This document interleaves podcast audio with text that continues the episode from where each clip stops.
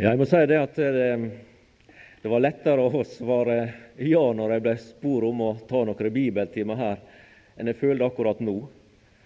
Det ble litt mer skremmende for meg når det nærmer seg og at nå, var, nå måtte jeg til pers.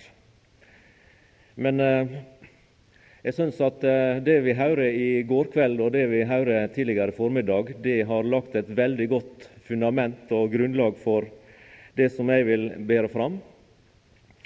Og eh, det ser ut som at det tinga eh, passer veldig godt i sammen. Det tror jeg du også vil eh, merke og oppleve når du hører de forskjellige bibeltimene skride fram utover i denne veka. Jeg hadde sett som emne de ekte, sanne verdiene ut ifra 2. Peters brev, det første kapittel. Og Peter han hadde opplevd, slik som vi hører i går, at eh, allerede i hans tid så eh, var dette byggverket, dette Guds huset, det synlige, det hadde slått sprekker og, og var kommet på avveie i mange sammenhenger.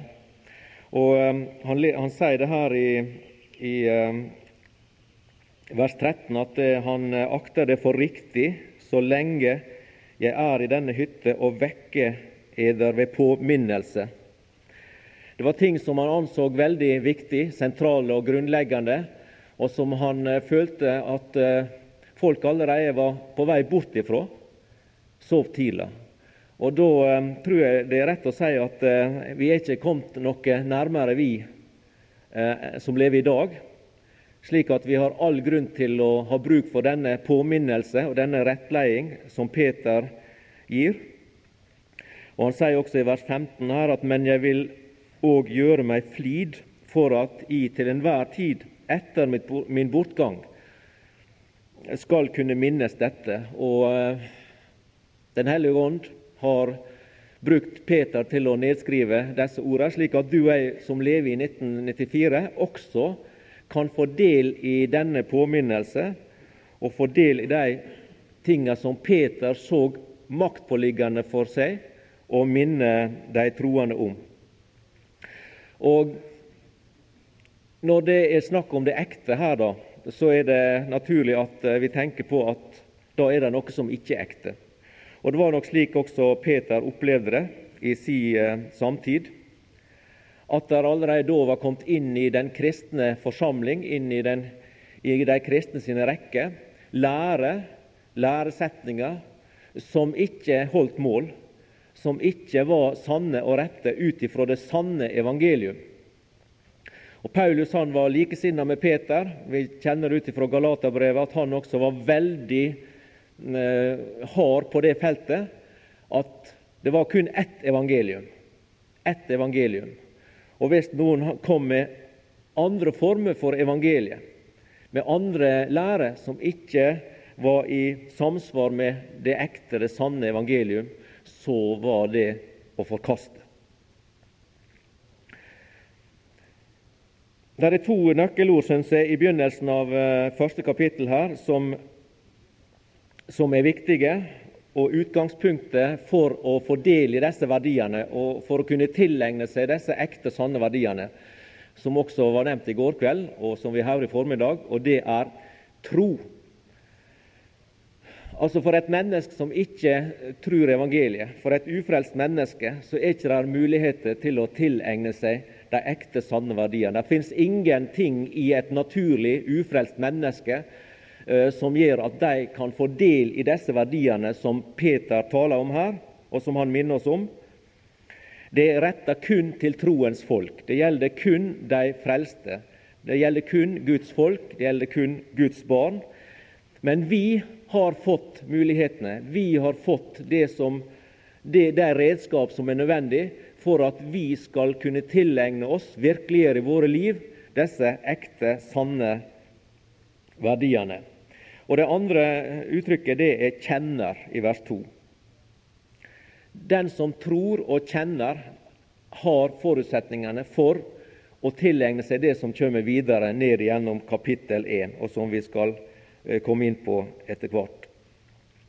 Så eh, det som vi snakker om, det som jeg kommer til å holde fram, det gjelder oss som er frelst, Men evangeliet det er jo retta til alle, slik at, som også Svein minte oss om i, i, tidligere i dag, at uh, hvis det er noen som er usikre når det gjelder sin frelsessak, så er mulighetene åpne til å ta imot evangeliet, til å bli frelst, til å oppleve det som uh, Svein talte om i forrige time.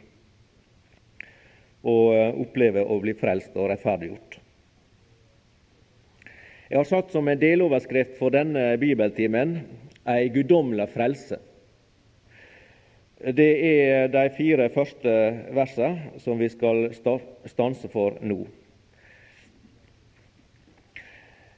Når vi hører ut i Jeg tenker på oss på Sunnmøre f.eks.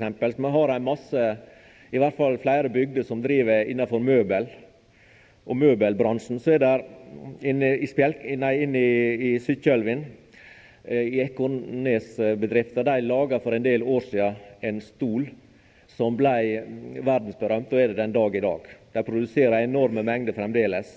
Og det, var, det er denne Stressless-stolen som du kjenner til. Men er, Jeg vet ikke om de har opplevd det, men jeg vet at flere andre bedrifter har opplevd at de har måttet gå til rettssak imot andre bedrifter, gjerne fra andre land i Europa eller andre plasser, eh, der de går til rettssak fordi de har funnet ut at på markedet finnes det møbler eller stoler eller hva det nå er, som ligner, men som ikke er en ekte stressless, f.eks. Det er en etterligning det, det, er noe som ikke er ekte. Det er falskt. Det er en kopi. Og um, Det er et annet navn som jeg også tenkte på, som er veldig kjent innenfor de som uh, driver med å spille fiolin. Så er det noe som heter Strandivarius-fiolin. Det skal være fine saker. Og De som har en ekte Strandivarius, de har et klenodium. De har noe verdifullt uh, i, i sitt eie som koster masse masse, masse tusen kroner. Jeg tror de som har det, gjerne ikke ville selge det for noen pris. Men det kan selvfølgelig være en fiolin som blir utgitt for å være Strandivarius, men som altså da viser seg å være en kopi, en etterligning, en forfalskning. Du og jeg som, eh, som en vanlig forbruker vil vel ikke kanskje merke så store forskjellen om vi satt i en ekte stressless eller i en kopi av en stressless-stol. Vi vil kanskje føle den samme komforten. Det er godt mulig. Men det som jeg vil bruke dette til, det er å få fram at når det gjelder frelsesspørsmålet, da er det virkelig viktig at det som blir forkynt, er ekte. At det som blir holdt fram, det er om den sanne, den ekte frelsa, og ikke etterligninger eller forfalskninger. Derfor er det om å gjøre at vi som er her, og alle andre, får høre det som er det sanne evangelium. Slik at mennesker som hører det, får anledning til å ta stilling til det på en eller annen måte. En kan gjøre som eh, han Håkon var inne på i, går kveld. En kan forkaste det, forakte det, ikke vil ha noe med det å gjøre, snu ryggen til det, trampe Guds sønns blod under føtter, som ble sitert. Det går an å gjøre, og mange gjør det. Men en kan også ta imot det, åpne seg for det, la evangeliet få virke i livet til frelse og frigjøring. Men hvis det blir forkynt noe som er falskt, noe som er uekte, da vil jo vi føre folk inn i trelldom og inn i uvitenhet og inn i noe som bare fører til fordervelse og til en forferdelig endelikt. Og vi sjøle står i et enormt ansvar overfor de mennesker og selvsagt overfor Gud. Nei, la vi holde fram det ekte, det sanne evangeliet, slik at mennesker får anledning til å velge og som det står i ei sangstrofe, det gjelder å velge rett. Velg rett og velg i tide, om du vil målet nå. Og Peter han eh, uttrykker bekymring han i sitt brev over de forfalskninger og etterligninger av den kristne tru som florerte i omgivelsene allerede på hans tid, og som ble tilbudt mennesker som levde i det området allerede da han levde. Og Det samme problemet det har vi i dag. Nemlig at det slett ikke er alt som blir servert i kristendommens navn, som er sant og som er ekte. Mange blir ført vill, og mange blir ført inn i trelldom og ufrihet som kan vare i årevis, ja, kanskje hele livet.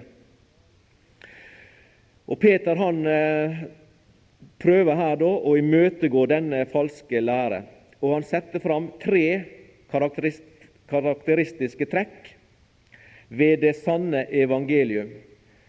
Og Disse tre tingene skiller seg da klart ifra det som ikke er ekte. Og Vi skal se på disse tre trekkene i de minutter som vi har videre i formiddag. Simon Peter, Jesu Kristi tjener og apostel, til dem som har fått samme dyre tro som vi, ved vår Gud og Frelser Jesu Kristi rettferdighet. Nåde og fred bli eder mangfoldig til del, i det I kjenner Gud og Jesus, vår Herre. Ettersom Hans guddommelige makt har gitt oss alt som tjener til liv og Guds frykt, ved kunnskapen om Ham som kalte oss ved sin egen herlighet og kraft, og derved har gitt oss de største og dyreste løfter, for at I ved dem skulle få del i guddommelig natur, i det I flyr bort fra fordervelsen i verden, som kommer av lysten. De tre guddommelige trekka ved vår frelse som eh, vi har lest her, det er at vi har fått et guddommelig kall. Vi har fått del i guddommelig natur, og vi har del i ei guddommelig makt. Det første guddommelige element i frelsa det er at vårt kall det er av Gud.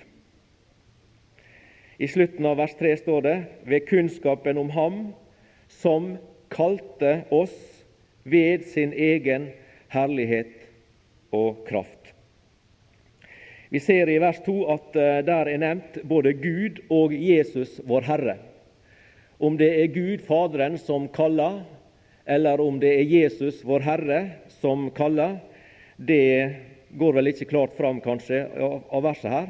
Men når vi tenker på Jesu utsagn i Johannesevangeliet, der han sier om seg sjøl i sitt forhold til Faderen at 'jeg og Faderen, vi er ett', så kan vi trygt slå fast at meninga her det er at Gud har kalt oss. Han som kalte oss ved sin egen herlighet og kraft. Og Det er ikke noe et sånt generelt kall som vi taler om her, altså at ordet blir forkynt ut, og, og uh, en bare hører liksom som et generelt kall som gjelder alle, men det er snakk om her det spesielle, personlige kallet fra Gud som fører til at et menneske omvender seg og tror. Altså det spesielle kallet som fører en synder over fra døden til livet, som gjør at mennesket blir frelst. Og det er en gjerning av og ved Den hellige ånd. I 2. Tessalonika-brev, det andre kapittel og 13. vers, der står det slik Men vi er skyldige til å takke Gud alltid for eder brødre, I som er elsket av Herren, fordi Gud fra først av tok eder ut til frelse ved helliggjørelse av Ånden og tro på sannheten. Her er det snakk om ei gjerning av Den hellige ånd. Her er det snakk om mennesker som blei tatt ut til frelse ved Åndens helliggjørelse og tro på sannheten. De kom til tro på evangeliet, men det var ikke ei tro som var skapt av dem sjøle i sitt eget sinn og i sin egen vilje. Det var ei tro som ble skapt på bakgrunn av et arbeid, ei gjerning, som Den hellige ånd utførte på og i de menneskene. Og jeg syns eh, at eh, det jeg sjøl opplevde når jeg ble frelst, i grunnen er et eh, enkelt og greit bilde på det som jeg syns ligger i dette om kallet, det spesielle kallet. Jeg satt på et møte hjemme. Jeg var 16,5 år ca. Det var vekkelsestider på Valderøya. Og eh, jeg sjøl eh, gikk realskolen på Stranda akkurat i, i, den tida, og jeg var hjemme ei helg. Og Jeg husker at eh, jeg kom vel hjem igjen på fredagskvelden og besøkte kameratene mine og søskenbarna mine som jeg var en del sammen med. da. Og Det var spørsmål om hva en skulle finne på i helga. Og Da ble det sagt at det her er bare to muligheter for tida på Valdrea, sa de. Og det er Enten så går vi på bedehuset, eller så går vi på dans. Hva skal vi gjøre? Ja, det ble enige om at vi skulle gå på bedehuset. De hadde sikkert gått der flere ganger før også, i vekkelsestida. Og Vi gikk på bedehuset, vi satt og hørte forkynnelsen, og jeg husker ikke hva som ble forkynt, eller noe sånt. Men i hvert fall, det som jeg i ettertid har tenkt på, og, og, som har slått meg, det er at der satt vi, flere hundre mennesker, og hørte den samme forkynnelsen, de samme sangene, de samme vitnesbyrda. Hvorfor ble jeg frelst, og ikke de som satt ved sida av meg? De hører akkurat det samme. Og de har akkurat de samme mulighetene. Det var ikke fordi at det var noe spesielt med meg.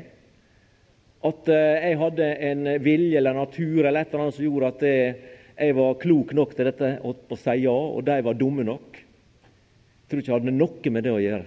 For det skal vi komme til at det, det, ikke, det ligger ikke på vår side. Det ligger på Guds side. Kallet lydde. Det generelle kallet lydde. Et kall til frelse, en kall til omvendelse, en kall til tru på Jesus Kristus. Det var noen som tok imot evangeliet og ble frelst den kvelden, og en av dem var jeg. Og Jeg har iallfall sett det sånn i ettertid at det, grunnen til at jeg ble en av dem, var at Den hellige ånd pekte på meg den kvelden. At jeg ble uttatt til frelse ved Den hellige ånds gjerning den kvelden, og til tro på sannheten. Mens de andre, en del av de andre de lot kallet gå forbi. De opplevde ikke det på samme måten i sitt liv den kvelden. Så at jeg ble frelst, det er på bakgrunn av et guddommelig kall som Den hellige ånd retter mot meg personlig, og som virker i mitt hjerte til å si ja til evangeliet. Initiativet når det gjelder frelse, det ligger hos Gud og ikke hos deg og meg. Vi skal bare ta noen få bibelord som viser at det er umulig å kunne ligge hos oss. Eh, Romerbrevet 3 og vers 11. Romerbrevet 3, 11. Det finnes ikke én som er forstandig. Det finnes ikke én som søker Gud. Så jeg søkte ikke Gud. Du søkte ikke Gud. Ingen. Det finnes ikke én som søker Gud. Første Korintiarbrev, andre kapittel og vers 14. Første Korintiarbrev 2, 14. Men et naturlig menneske, altså et ufrelst menneske, tar ikke imot det som hører Guds ånd til, for det er ham en dårskap. Han kan ikke kjenne det, for det dømmes åndelig. Efeserbrevet kapittel 2 og vers 1. Du kjenner det utenat. Også eder har han gjort levende, i som var døde ved eders overtredelser og synder. Et ufrelst menneske, det naturlige mennesket, som Korinterbrevet omtaler det som, er altså blind, åndelig død, søker ikke Gud. Hvordan skal vi da kunne bli frelst? Ikke søker vi Gud. Ikke har vi sans for det som hører det åndelige til, fordi vi har ikke de sansene. Og vi er åndelig død, som Efeserbrevet sier. Det er bare én løsning på vårt problem, og den løsninga ligger i at Gud greip inn i våre liv.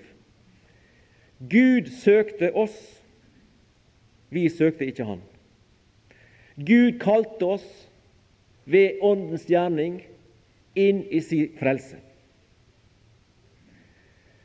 Gud greip inn i våre liv og ga oss nytt liv, et guddommelig liv, et evig liv. Og Det skjer ved at Den hellige ånd anvender Ordet på vårt hjerte.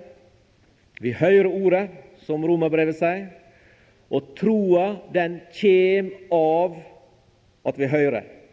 Og det skjer et under i våre liv som ikke vi kan forklare. Men det skjer et under vi blir frelst. Vi blir født på ny. Vi blir Guds barn. Vi blir en del av Guds familie. Og Dette er som sagt ei gjerning som er av Gud. Romerbrevet kapittel 8 og vers 30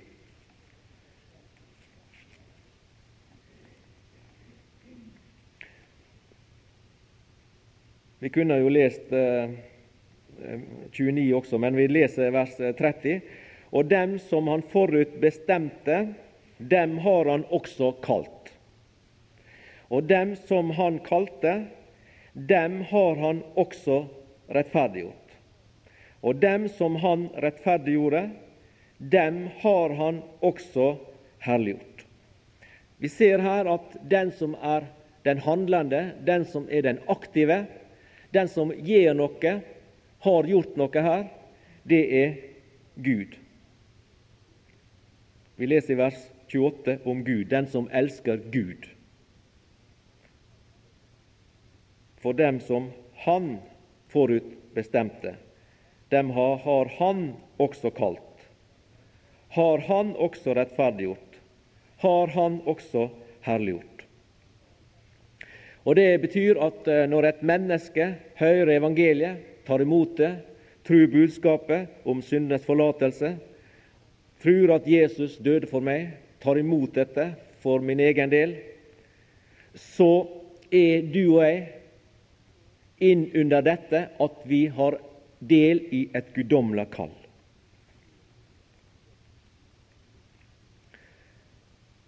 Jesus han vil at alle skal bli frelst. Han innbyr alle til å bli frelst. Han tvinger seg ikke inn på noen, men han vil at alle skal bli frelst. Så Guds vilje til frelse, den er der på den ene sida. Men vår, altså den naturlige menneskets uvilje til å bli frelst, for å si det på den måten, den eksisterer også. For vi, vi ligner jo, som Isaiah sier, vi ligner sauer. Som eh, får, så får vi alle vil og vi venter oss hver til sin vei. Det er liksom vår historie. Det at vi vandrer bort ifra Gud. Vi søker ikke Gud.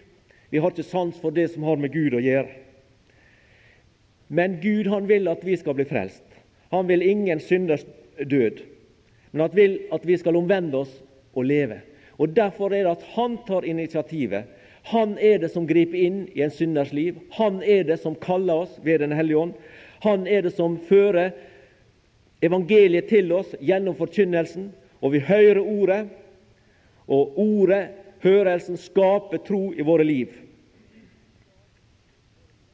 Gud til ære.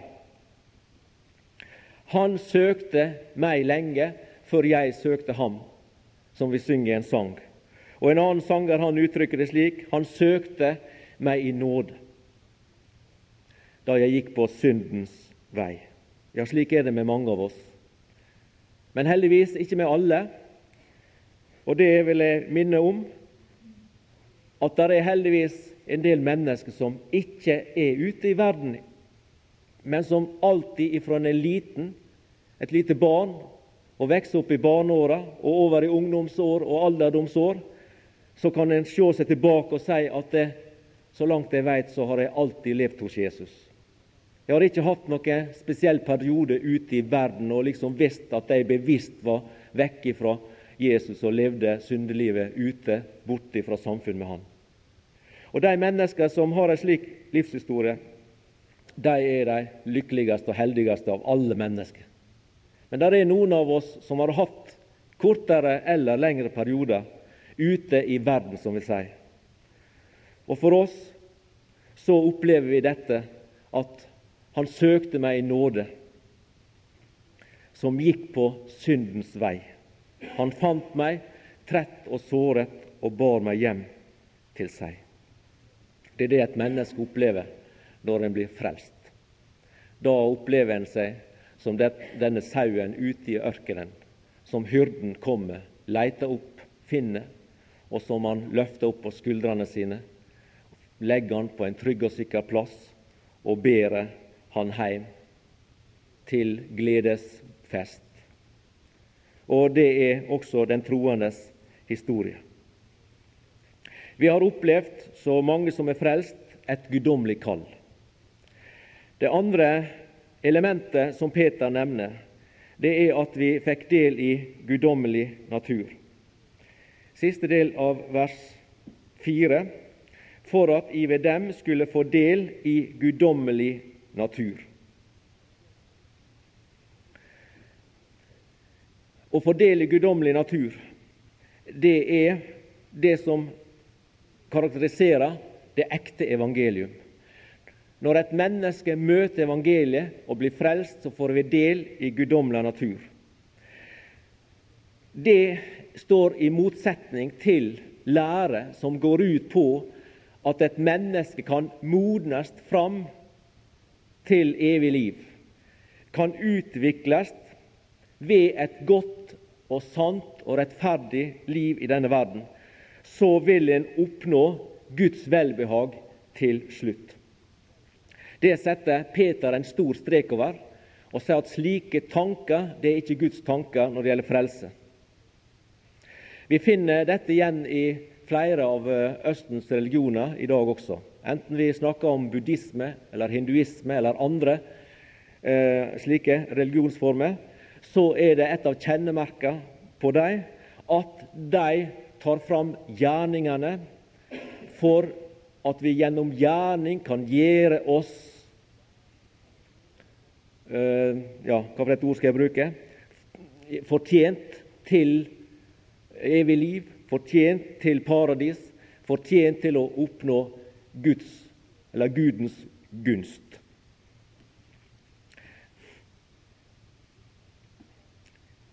I kontrast til eh, slike læresetninger som også florerte på Peters tid, dette at du altså kan gjøre deg fortjent til, til evig liv, så uh, sier Peter at frelsesøyeblikket det er ikke noe som en modnes fram imot, eller noe som en uh, utvikles til. Men frelsesøyeblikket det er noe som de som bekjenner seg som Guds barn, de har allerede opplevd det. Det har allerede vært der. Det skjedde i det øyeblikket vedkommende ble født på ny ved trua på Jesus Kristus. Peter beskriver det å bli frelst eh, som en en gang for alle-virkelighet. Det er ikke noe som en skal gjøre om igjen og om igjen. Men en gang så blei du frelst ved trua på Jesus Kristus. Det skjedde, og du kan se tilbake noen kan ha en bestemt dag, andre ikke. Men du har ei historie som et Guds barn. I eh, aktaoversettelsen av Det nye testamentet så skriver de slik i dette fjerde verset. Jeg skal sitere det. Så kan du sammenligne med den bibelen du sitter med. Ved denne herlighet og kraft er de dyrebare og overmåte store løfter gitt til oss for at dere ved dem skulle få del i guddommelig natur, etter at dere har flyktet bort fra fordervelsen i verden, som har sin rot i lysten. I den Bibelen jeg leser fra, står det at vi ved disse dyrebare løfter skulle få del i guddommelig natur idet I flyr bort fra fordervelsen i verden, som kommer av lysten. Aktoversettelsen har uttrykket 'etter at dere har flyktet bort' det er noe som er historie for de troende. De flykter bort fra fordervelsen i verden. Det skjedde ved at de opplevde å bli frelst. De opplevde en utvelgelse ved Den hellige ånd til frelse og tro på sannheten, som Timotius brev skrev om.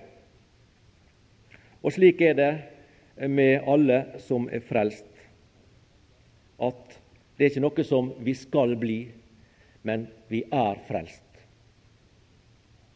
Og Jeg vil nevne tre ting i forbindelse med denne guddommelige natur og følger av det å ha fått del i denne guddommelige natur. For det første så er vi kommet i samfunn med Jesus, og vi er kommet i samfunn med Faderen. Johannes 15 og vers 5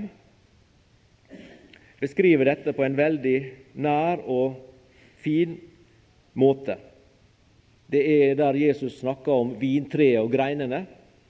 Og I vers 5 sier han det slik.: Jeg er vintreet, I er grenene. Den som blir i meg, og jeg i ham, han bærer megen frukt, for uten meg kan jeg intet gjøre. Den som blir i meg, og jeg i ham. Det er samfunn, det er fellesskap. Det er den nære forbindelsen. Jeg har flytta inn i Kristus, han har flytta inn i mitt liv. Jeg i ham, ham, han i meg. Efeserbrevet kapittel 2 og vers 6. Oppvakt oss med ham og satt oss med ham i himmelen i Kristus Jesus. Og i 1. Johannes brev, første kapittel og vers 3. 1. Johannes 1,3. Det som vi har sett og hørt, det forkynner vi òg eder, for at òg I kan ha samfunn med oss. Men vårt samfunn er med Faderen og med Hans Sønn Jesus Kristus.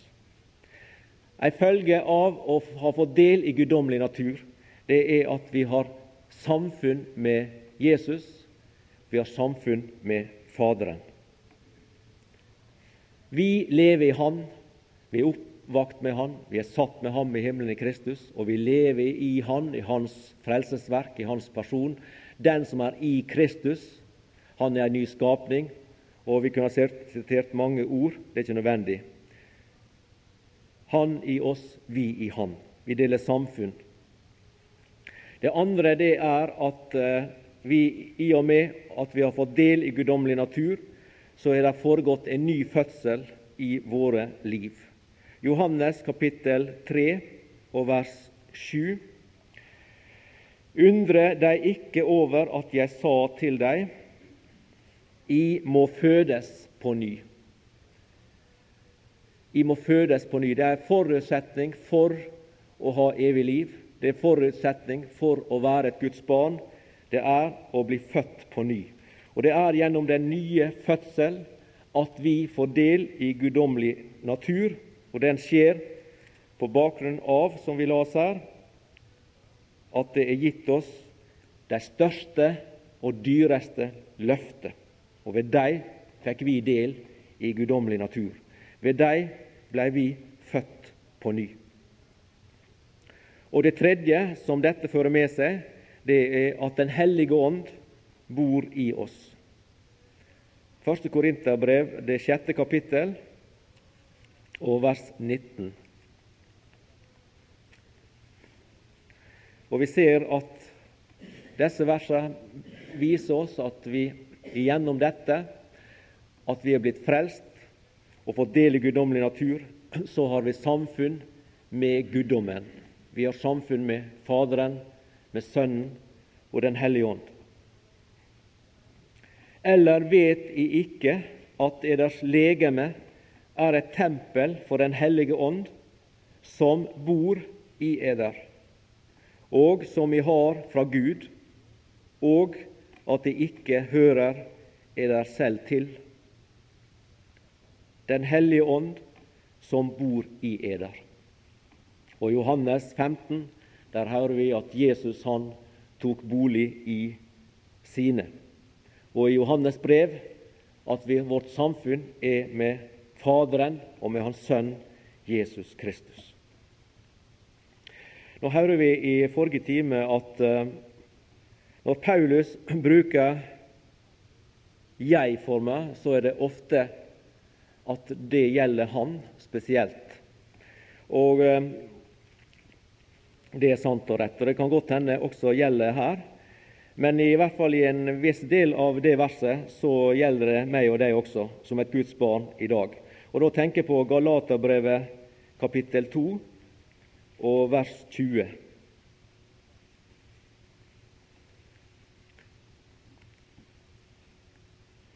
Paulus han sier i begynnelsen der 'Jeg er korsfestet med Kristus'.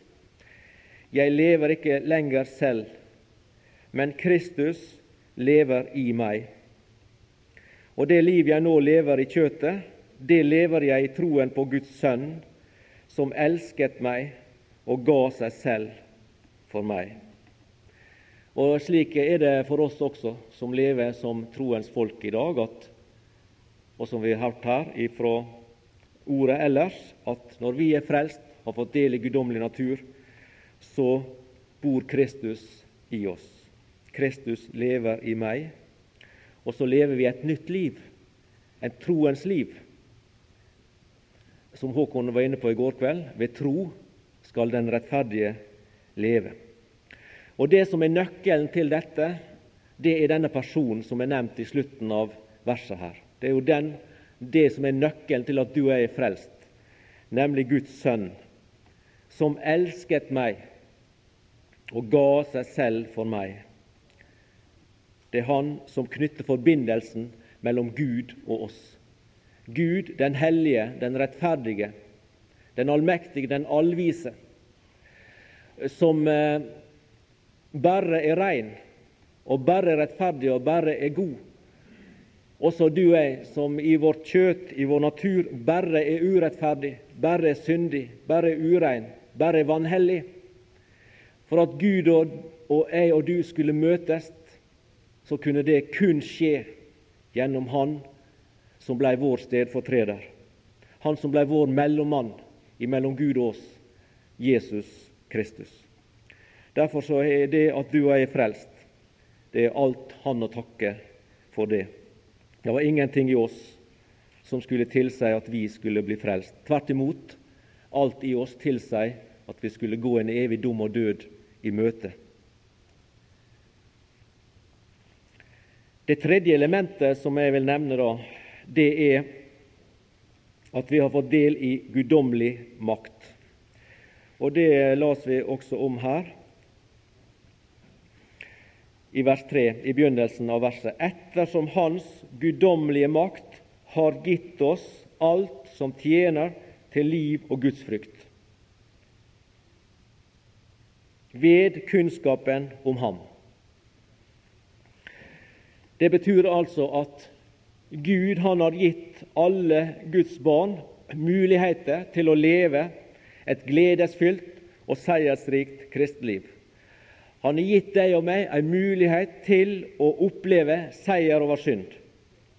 Han har gitt oss muligheter til å oppleve frihet i våre liv, til å unngå å leve et liv fylt av frykt, fylt av usikkerhet, fylt av tvil, fylt av håpløse. Disse tingene som preger verdens mennesker i dag. Du og jeg har Gud gitt muligheter gjennom det at vi er frelst og har fått del i guddommelig natur og blitt Guds barn. Så har han gitt oss mulighet til å leve et liv, en, en form for liv, en kvalitet av liv, som skiller seg ifra verdens liv ifra de verslige mennesker sine liv. Det står nemlig her at Han har gitt oss alt som tjener til liv og gudsfrykt. Så det er på en måte ei bankbok som Gud har gitt oss, og som du og jeg må ta ut for å kunne virkeliggjøre disse tingene i våre liv. Men det er gitt oss det, alt som tjener til liv og gudsfrykt, det som er viktig i denne verden. Det som gir oss mulighet til å skille det ekte fra det falske. Og det som gir oss mulighet til at de ekte, de sanne verdiene, de som Peter minner de troende om, at de skal bli virkeliggjort i våre liv, det har han gitt oss mulighet til gjennom sin guddommelige makt. Hvis du og jeg tar denne guddommelige makt i bruk, så vil våre liv kunne bli liv fylt av de prinsipp som Peter her viser videre, og som vi skal stanse for de neste timene. For da kommer vi inn på de praktiske sidene ved å leve som en, en kristen. Og hvordan Gud har lagt alt til rette for at du og jeg skal kunne leve et liv eh, der vi ikke lever slik som han var inne på han Håkon i går, og går i ring, som han snakka om. At det blir ei ørkenvandring for oss å leve som kristne, men at vi kan eh, gjøre nye erobringer, at vi kan legge nytt land under fot, og at det, vårt liv som troende i denne verden kan ha ei utvikling fram mot modenhet, som Bibelen beskriver det som. Frelsa, den er fullstendig.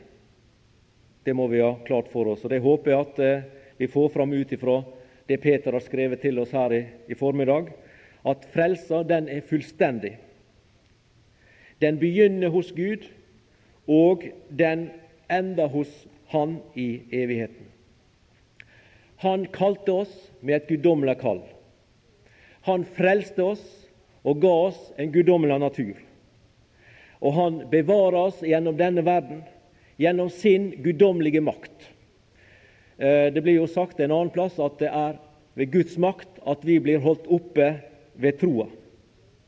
Og eh, Romerbrevet taler om Kristi liv i helligdommen i dag, der hans liv er til frelse for oss. Vi skal så meget mere bli frelst ved hans liv etter at vi er blitt rettferdiggjort. Og han herliggjør oss slik som vi las ifra Romerbrevet 8, det verset vi las om der, har han også herliggjort, las vi. Frelsa, den er fullstendig. Den er av Gud. Og takk og pris, den er retta mot oss. Det er vi som får del i den. Det er til oss han har laga det i stand. Det vi kan flytte inn i ei ferdig, ei fullbrakt frelse. Og han innbyr synderen å komme. Kom til meg, sa han, alle som strever tungt å bære. Hos meg skal dere få hvile. Alle de som tok imot han, ga han rett til å bli Guds barn, de som tror på hans navn. Han vil ha alle. Som vi synger i en sang, at Jesus vil ha alle, ikke en så ussel er, at de Jesus har ham kjær. Nei, frelsa den er av Gud. Den begynner Gud har ikke lovt sine barn lette dager, lyse dager bare. At vi skal leve uten sykdom, at vi skal leve uten problem av noe slag. Langt derifra. Det har vi nok av eksempel på. Og kanskje er det mange her i salen i dag som har opplevd både sykdom og motgang, og kanskje er midt inne i prøvelser og som eh, vet at det er en del av Guds oppdragelse, som også ble nevnt i går. At han hudstryker til og med den sønnen han tar seg av.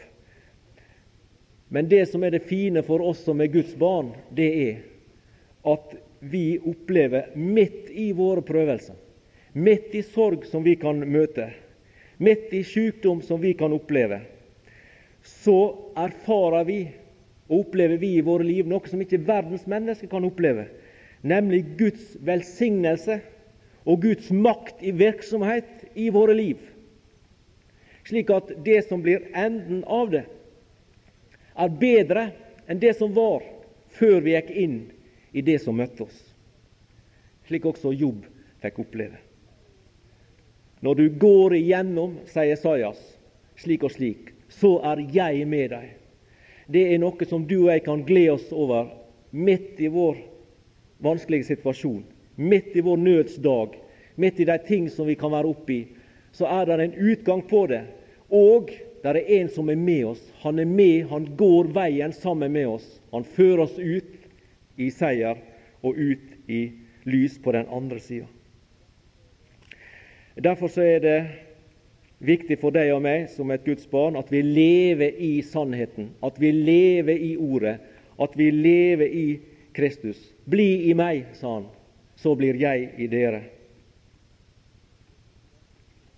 Det er Ordet som gir oss visshet. Og det er Ordet som gir oss mulighet til å leve et meningsfylt liv som et Guds barn. Hvis vi raskt skal oppsummere da, det som vi har eh, prøvd å dele med hverandre disse minutter, så er frelsa et Guds verk fra først til sist. Det ble tilveiebrakt for oss ved Jesu død og oppstandelse. Og alle som er frelst, enten vi er unge eller vi er gamle, alle uansett alder og uansett livssituasjon, så har vi fått del i disse tre elementene. Et guddommelig kall, en guddommelig natur og en guddommelig makt i våre liv. Og Derfor så kan vi som hører Jesus til, som er frelst, vi kan si med Paulus, slik som han uttrykker det i 2. Timotius kapittel 1 vers 12, der han sier at For jeg vet på hvem jeg tror, og jeg er viss på at Han er mektig til å ta vare på det som er meg overgitt, inntil hin dag.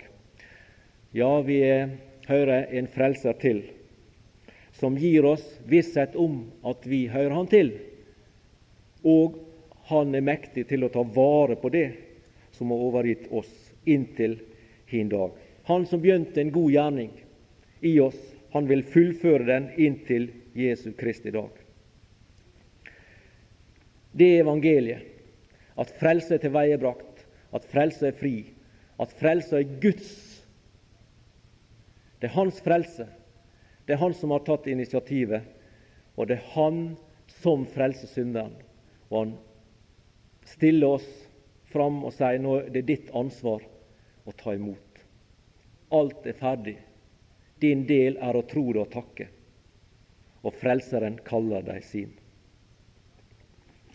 Ja, jeg takker deg, Herre Jesus, for min del, at uh, det ble sant for meg som vi synger en sang at 'jeg hørte en lokkende stemme tidlig i ungdommens vår'. Det var de stemme, Herre. Det var hyrdestemma, Frelserens stemme, som kalte meg inn til samfunn med seg. Takk, Herre, for at du interesserte deg også for meg. Takk for at du døde på korset også for meg. Takk for at du oppsto til min rettferdiggjørelse. Takk at du lever ditt liv i himmelen for min del også til beste for meg, til fordel for meg. Ja, du går i forbønn for meg og for alle dine. Takk for at du på denne måten, gjennom ditt liv og din gjerning, kan fullkommen frelse alle de som kommer til deg. Så minner deg, Herre, i denne stunden om de av våre som ikke er frelst, som enda går på syndens vei, og som ser ut til å ha vendt deg ryggen og ikke interesserer seg for disse tingene. Herre Jesus, du som frelste oss, du kan også frelse dem. Må de oppleve et kall ved Den hellige ånd, de på samme måten som vi, slik at de skjønner at nå er det deres dag. Nå er det deres frelsesdag. Du vil at alle skal bli frelst, og det er en forferdelig framtid for de som vender deg ryggen, veit vi, ut fra ditt ord. Måtte det lykkes det Herre, å vinne flere før du kommer. Så takker jeg for uh, fellesskapet med deg og fellesskapet med dine, som vi også kjenner her blant oss på bibelsamlinga. Og vi legger dagen videre i di velsigna hand, og takker deg for at du er midt iblant med din nåde, ved din fred. Amen.